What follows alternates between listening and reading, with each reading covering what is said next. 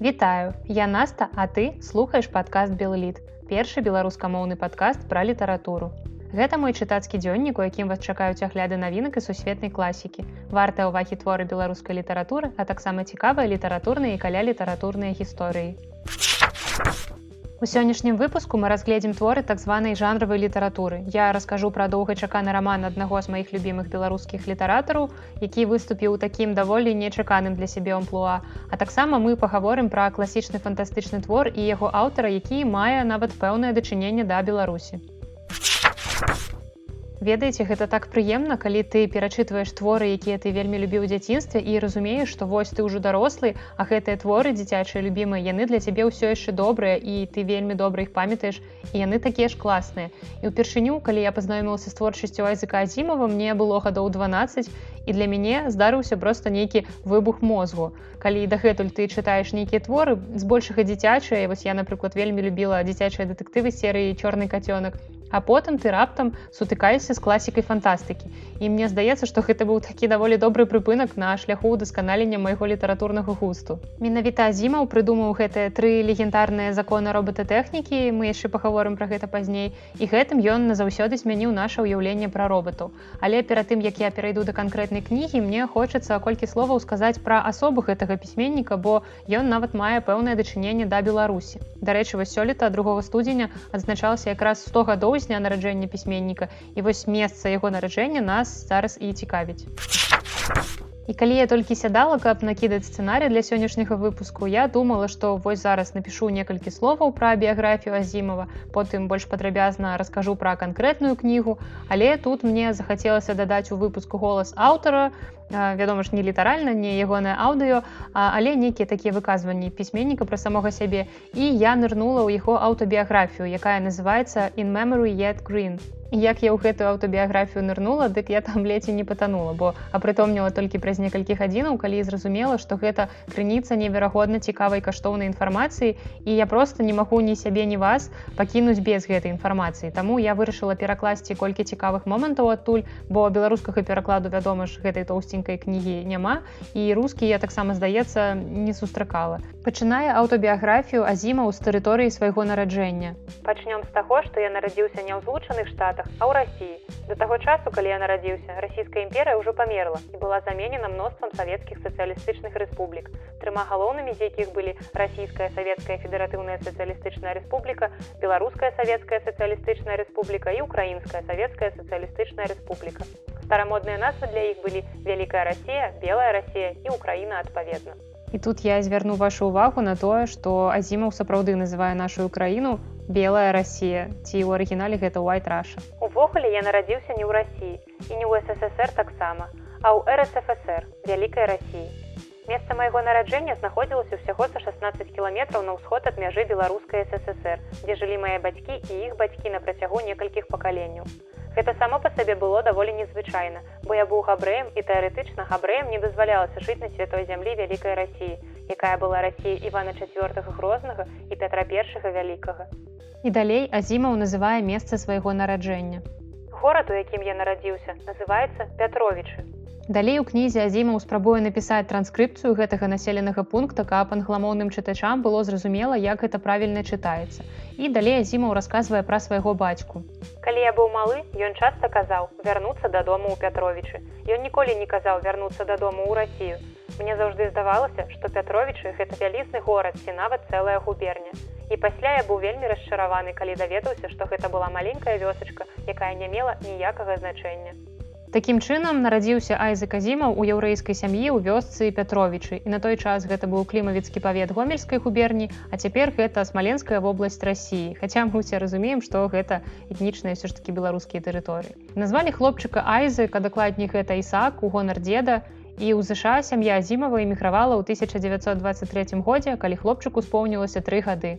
У аўтабіяграфіі Азімаў расказвае, як бацька, калі недзе выпадкова знаходзіў мапы Еўропы ці мапы рассіі, то ён абавязкова шукаў на гэтых мапах Пятровіча, але на жаль, ён ніколі іх не знаходзіў. І калі ён бачыў на гэтых мапах нейкія суседнія гарады невялікія, напрыклад, вось Азімаў называе крычаў, клімавічы, Ён добра запомніў гэтыя назвы чамусьці, бо памятаў, з якой пагардай бацька іх вымаўляў, бо відаць, ён сумаваў, што на мапе гэтыя гарады ёсць, а Пятровічаў на іх няма. І бацька нават лічыў, што гэта не нейкая картаграфічная змова. Бо ён крычаў што гэтыя гарадкі яны не такія ўжо вялікія ў параўнанні з пятровічамі каб іх на мапе пазначаць а пятровічы не. І толькі падчас другой сусветнай вайны азімаў сам купіў сабе мапу Еўропы каб пазначаць на ёй рух арміі і такім чынам сачыць заходам вайны. І тут ён выпадкова знайшоў такі на мапе пятровічы і ўжо ніякі ход вайны яго не цікавіў і тут азімаў піша. Пасля ўсяго гэтага ў мяне нарэшце былі ўсе доказы што я сапраўды нарадзіўся недзе Дарэчы, раз адзіму фантасты і шмат пісаў пра космас, то тут варта ўспомніць Юрыя Хагарына, якога ён згадваў сваёй аўтабіяграфіі, прычым якраз у сувязі з месцам нараджэння. Бо родны горад Гагарына Хшацк ён таксама знаходзіўся ў смаленскай губерні. І Азімаў адзначаў, што з гэтай нагоды ён адчувае, як ён казаў недарэчны мясцовы гонар. Таксама Азімаў спрабаваў разабрацца ў этымалогіі свайго прозвішча і прыйшоў да таго, што яно пайшло ад слова азімае. Думаю, што вам гэты тэрмін знаёмы, бо кожны беларус у душы трошки аграрый все мы вядома ж сочым за навінамі пасяўной і уборачнай да вы же знаете что роторная э, жатка это не болот и так далее там подобно Далей для англамоўных чытачоў азімаў падрабязна тлумачыць асаблівасці рускіх прозвішчаў з канчаткамі на ов кшталту Петров і маўляў гэта ў іх такі аналаг прозвішчаў з канчаткам сан ад ангельскага сын як напрыклад Джонсон ці Петерсон і з гэтага азімаў жартам выводзіць што найбліжэйшы аналаг яго прозвішча па-ангельску гэта нешта накшталт Уінтерсон. Бацька Азімова не так добра ведаў ангельскую, ён быў больш знаёмы з нямецкай мовай, як і многія габрэі, таму ён лацінкай запісаў іх прозвішча праз лацінскую літару S. Гэта вось прывычны нам варыянт напісання прозвішча яго Асімов. І справа ў тым, што ў нямецкай мове перад галоснымі літара S чытаецца як Z. І бацька пісьменніка быў упэўнены, што ў лацінскім алфавіце так правільна і у ангельскай мове таксама ўсё будзе так. Ну вось такім чынам і замацавалася напісанне прозвішча праз літару S, а вымаўленне праз з. Увогуле Азімаў шмат увагі надае свайму прозвішчу і ён падкрэслівае, што для яго важна, каб яго называлі менавіта так, як ён прадстаўляецца, як ён сябе называе. І тут яго можна цалкам разумець, бо калі я, напрыклад, пры знаёмстве з новымі людзьмі кажу, што мяне завыць наста, то я чакаю, што да мяне ў прынцыпе так і буду звяртацца, не выдумляючы нейкіх розных насцюг ці нешта падобнае. Амаль цэлую старонку Азімаў тлумачыць чытачам, як трэба чытаць яго прозвішча і паказвае, як яго чытаюць няправільна згодна з нормамі ангельскай мовы. І ў яго на нават было некалькі інструкцый як правільна вымаўляць яго прозвішча калі вось чарговы чалавек запытваў як гэта трэба рабіць. Напрыклад азіма указаў што ёсць тры простыя ангельскія словы has him of гэта форма дзеяслова займеннік і прыназоўнік. І ў вымаўленні трэба іх злучыць у одно слово а потым прыбраць усе гукі х літары h і атрымаецца правільны варыянт вымаўлення і зразумела што гэта такое вымаўленне з рускім акцэнтам Гэта нам цяпер добра мне здаецца што можна любое прозвішча проста ўвесці ў Google напісаць вымаўленне прозвішча і канкрэтнае прозвішча назваць і нам выдасць правільны варыянт нават з варыянтамі як яго вымаўляюць носьбіты пэўнай мовы.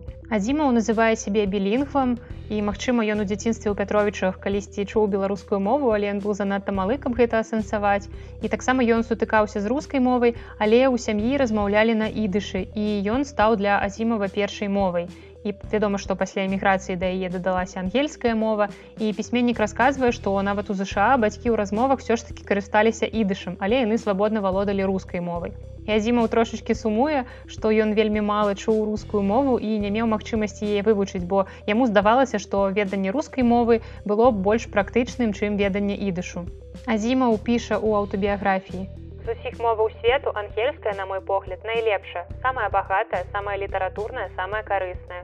Калі б у мяне была адна мова, я б хацеў, каб гэта была ангельская. І я тут уже чую мноства просто абураных крыкаў і я таксама да іх далучаюся, бо абсалютна так не лічу. Але для азімова ангельская мова стала роднай і менавіта яна стала мовай яго твораў. Але ведаеце, заўжды вельмі цікава паразважаць, што было б з літаратарам і калі б ён пісаў на нейкай іншай мове. Калі б, напрыклад, азімаў стаў пісаць на ідышы, або калі б ён вывучыў расейскую, стаў пісаць на расейскай, ці стаў бы ён такім жа аўтарам, якім ён ёсць па-ангельску гэта вось мне здаецца вельмі такая цікавая тэма для разважанню гэта як задумвацца якой была б творчасць напрыклад янкі купалы калі б ён працягваў пісаць па-польску бо яго на першы верш быў напісаны па-польску што б з ім стала на гэтай мове. Дарэчы азімова можна паслухаць па-беларуску. Творчая суполка беларусаў нью-йорка і бостона падрыхтавала аўдыоспектакль паводле ягонага апавядання задавальнення гарантуецца. Пераклала з ангельскай мовы твор Ірына хадарэнка а запіс быў зроблены на студыі крумкач спасылку на запіс вы знойдзеце ў апісанні гэтага выпуска А калі вы хочаце паслухаць цэлы выпуск падкаста які прысвечаны асобе азімова то напішыце пра гэта ў каментарыях бо і тады я буду ведаць што вам цікава і знайду яшчэ колькі цікавостак у ягонай аўтабіяграфіі І нарэшце мы прыйшлі да размовы пра канкрэтны твор і я хачу сёння расказаць вам пра кнігу, з якой выдатна пачаць знаёмства з творчасцю гэтага аўтара. Нават калі вы абсалютна далёкі ад фантастычнай літаратуры чалавек і вам проста хочацца паспрабаваць у гэтым жанры, то тады раю вам узяць раман я робот.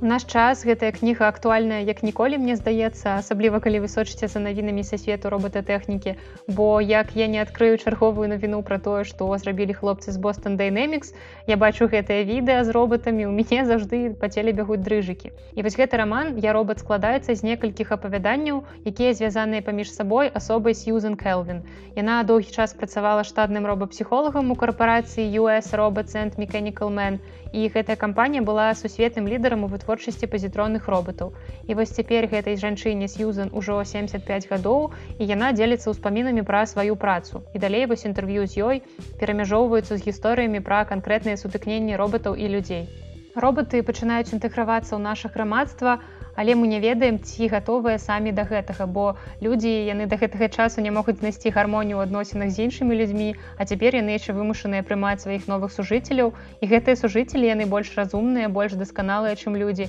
І таму вельмі іранічным выглядае эпізод з кнігі у якім робот адмаўляецца прызнаваць што ён быў створаны людзьмі. Поглядите на себя сказал он наконец. Я не хочу сказать ничего обидного но поглядите на себя Материал, из которого вы сделаны, мягок и дрябл, непрочен и слаб. Источником энергии для вас служит малопроизводительное окисление органического вещества вроде этого. Он с неодобрением ткнул пальцем в остатки бутерброда. Вы периодически погружаетесь в бессознательное состояние. Малейшее изменение температуры, давления, влажности, интенсивности излучения сказывается на вашей работоспособности. Вы – суррогат. С другой стороны, я – совершенное произведение. Я прямо поглощаю электроэнергию и использую ее почти на 100%. Я построен из твердого металла, постоянно в сознании, легко переношу любые внешние условия. Все это факты. Если учесть самоочевидное предположение, что ни одно существо не может создать другое существо, превосходящее его, это разбивает в дребезги вашу нелепую гипотезу. У апавяданнях, з якіх складаецца кніга, аўтар сабраў гісторыі пра разнастайных робатаў. Напрыклад, адзін працуе нянькай для маленькай дзяўчынкі і нават не ўмее размаўляць. А ў апавяданні карагод аўтар якраз выклаў тыя самыя законы роботатэхнікі і героі апавядання вырашаюць дылемы, звязаныя з імі. А вось так гучаць гэтыя законы. Першы закон. Робот не можа зрабіць чалавеку шкоду ці сваім бяздзеяннем дапусціць, каб чалавеку была зробленая шкода. Другі закон робот мусіць падпарадкоўвацца камандам чалавека калі гэтыя каманды не супярэчаць першаму закону. Трэці закон. Робот мусіць клапаціцца пра сваю бяспеку ў той меры наколькі гэта не супярэчыць першаму і другому законам. Пазней азімаў дадаў да сваіх законаў яшчэ адзін пункт нулявы. Робот не можа зрабіць чалавеку шкоду толькі калі ён не дакажа што ў выніку гэта будзе карысна для ўсяго чалавецтва Менавіта Азіма ў апавяданні хлус упершыню ў ангельскай мове выкарыстаў слова робатікс роботатэхніка. Дарэчы, само слова робот прыдумаў Йозеф, брат вядомага чэшскага пісьменніка Карла Чапіка і я рассказывала пра гэта ў першым выпуску падкаста. Кніга я робот па-ранейшаму актуальная нават у наш такі тэхналагічна развіты час, пра які азімаў тады мог толькі марыць. І роботы пакуль не інтэграваны ў наша грамадства ў такой колькасці, якая магла б нас прымусіць пахвалявацца, але нам ужо цяпер варта задумацца пра тое, як з роботамі жыць. У кнізе каляндар Бахарэвіча Альгерт Бахарэвіч добра заўважыў, што роботы Азімова больш чалавечныя за людзей. Людзей у Азімова часам хочацца проста выключыць. Гэта выдатная кніга, каб пачаць знаёмства з творчасцю Азімова або з фантастыкай наогул, калі вы раней абыходзілі гэты жанр. І калі вам страшна, што там будзе нейкая вялікая колькасць складанай навуковай лексікі, то не хвалюйцеся, гэтая кніга хутчэй пра псіхалогію робатаў, чым пра нейкія асаблівасці іх тэхнічнага функцыянавання. Другі жанр, пра які мы сёння пагаворым, зусім не ўласцівы для наступнага пісьменніка. Андрэя Федарэнку ў беларускай літаратуры заўсёды адзначаюць як выдатнага стыліста і ўвогуле гэта адзін з нашых найлепшых сучасных празаікаў. І вось Федарэнка вырашыў сябе паспрабаваць у якасці аўтара дэтэктываў і мне здаецца, што яго гэта бліскуча атрымалася. Таму сёння я раю вам ягоны раман жытон на метро. быў бы жэтончык на метро быў бы жэтончык Я, як і многія прыхільнікі творчасці федарэнкі ўжо даўно чакалі ад любімага аўтара выхаду паўнавартаснага рамана.